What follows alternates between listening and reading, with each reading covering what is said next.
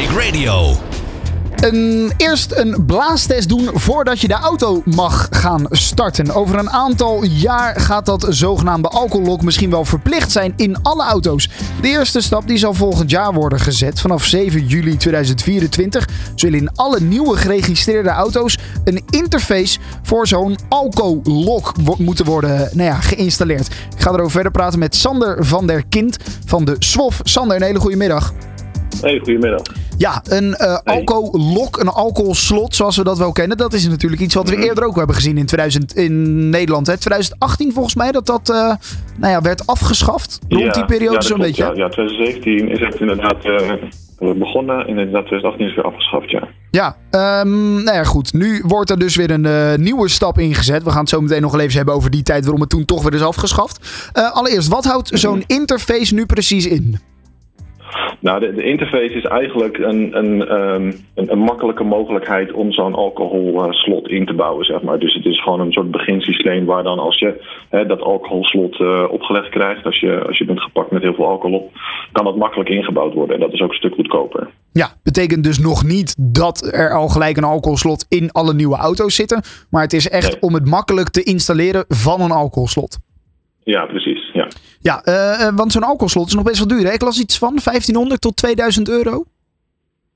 Ja, ik weet, ik weet niet hoe duur het wordt hè, met die, dat nieuwe alcoholslot. Maar dat, dat oude alcoholslot wat in 2017 eh, werd ingebouwd, was volgens mij zelfs wel 4.000 tot 5.000 euro. Dus dat was best wel duur. Ja. Nou ja, het was natuurlijk ook allemaal nou ja, om, voor, voor mensen die gepakt werden met alcohol achter het stuur.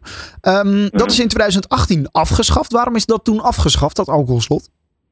Nou, een van de dingen was inderdaad dat het best wel duur was. En ehm, het had ook iets te maken met, met privacy. Dat mensen, mensen dan nee, in de pri- privé-tijd gemeten werden.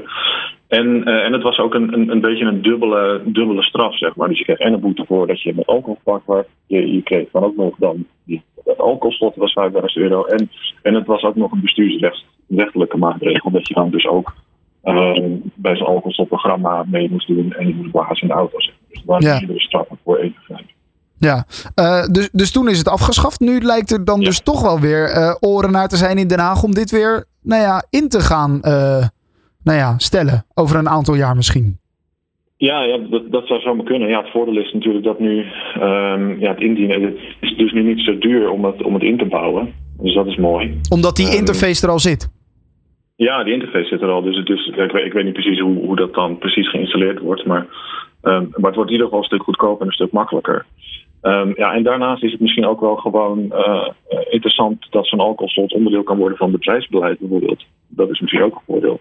Van het, sorry, wat Dus zei je? bijvoorbeeld voor- dat het ook eh, onderdeel, zo'n alcoholslot kan misschien ook onderdeel worden van, eh, van bedrijfsbeleid. Hè, dat bijvoorbeeld vrachtwagenchauffeurs Ja. of taxichauffeurs daar ook mee te maken krijgen. Nou ja, dat is iets wat we in Zweden en Finland al zien. Waarbij inderdaad Precies, taxichauffeurs, vrachtwagens, busjes, eh, nou ja, buschauffeurs. Die moeten voordat ze aan hun dienst gaan beginnen ook al eventjes blazen. Hè?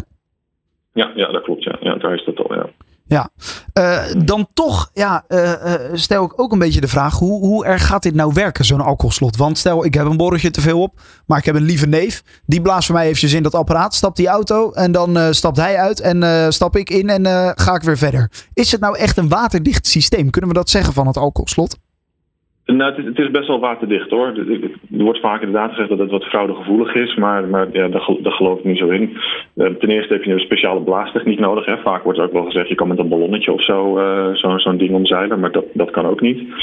Ehm, nou ja, het voorbeeld wat je net geeft, hè, van iemand die kan dan blazen en dan kan jij wegrijden. Nou, je moet ook tijdens het rijden, moet je ook blazen. Dus elke zoveel minuten vraagt hij weer, ehm, kan je alsjeblieft even blazen. Oké. Dus, dus dan zit, heb je dat probleem ook al een beetje opgelost. En moet je dan de Ja, auto gaan- gaan stilzetten? Dan, Of, gaan er eh, dan mensen nog naast iemand zitten die veel alcohol heeft gedronken tijdens het rijden, zeg maar, om dat dan Ja. te omzeilen. Ja. Ja. ja, nee, exact. Nee, ja, dan dan eh, blaas je zelf wel en rij je zelf ook als je niet gedronken hebt. Ja, Ja, ja. exact. Oké. Dus. Ja, precies. Oké, dus je moet ook blazen tijdens het rijden. Is dat echt, eh, moet je dan stilstaan of is dat echt tijdens, nou ja, als je op de snelweg zit? Ja, nee, dat, kan, dat kan je gewoon tijdens het rijden doen. Dat is, eh, dan moet je gewoon een tu- tuutje even pakken en dan even blazen. Dat is niet per se gevaarlijk, eh, vinden jullie ook? Nee, nee, ik denk dat dat best Oké, oké. Uh, Dit wordt dus weer een eerste stap. Zijn er veel geluiden dat, dat het ook echt weer... Want dit moet dan dus vanaf van, nou ja, uh, halverwege 2024, 7 juli. Dan wordt het verplicht om in alle nieuwe geregistreerde auto's zo'n interface uh, te installeren. denk jij dat we, als we, ik noem even een jaar tot 2027 zitten... dat dan het alcoholslot ook echt weer nou ja, wordt ingesteld... ook nou ja, bij, bij het wetboek van strafrechten... Dat, dat ze een straf als een alcoholslot kunnen opleggen?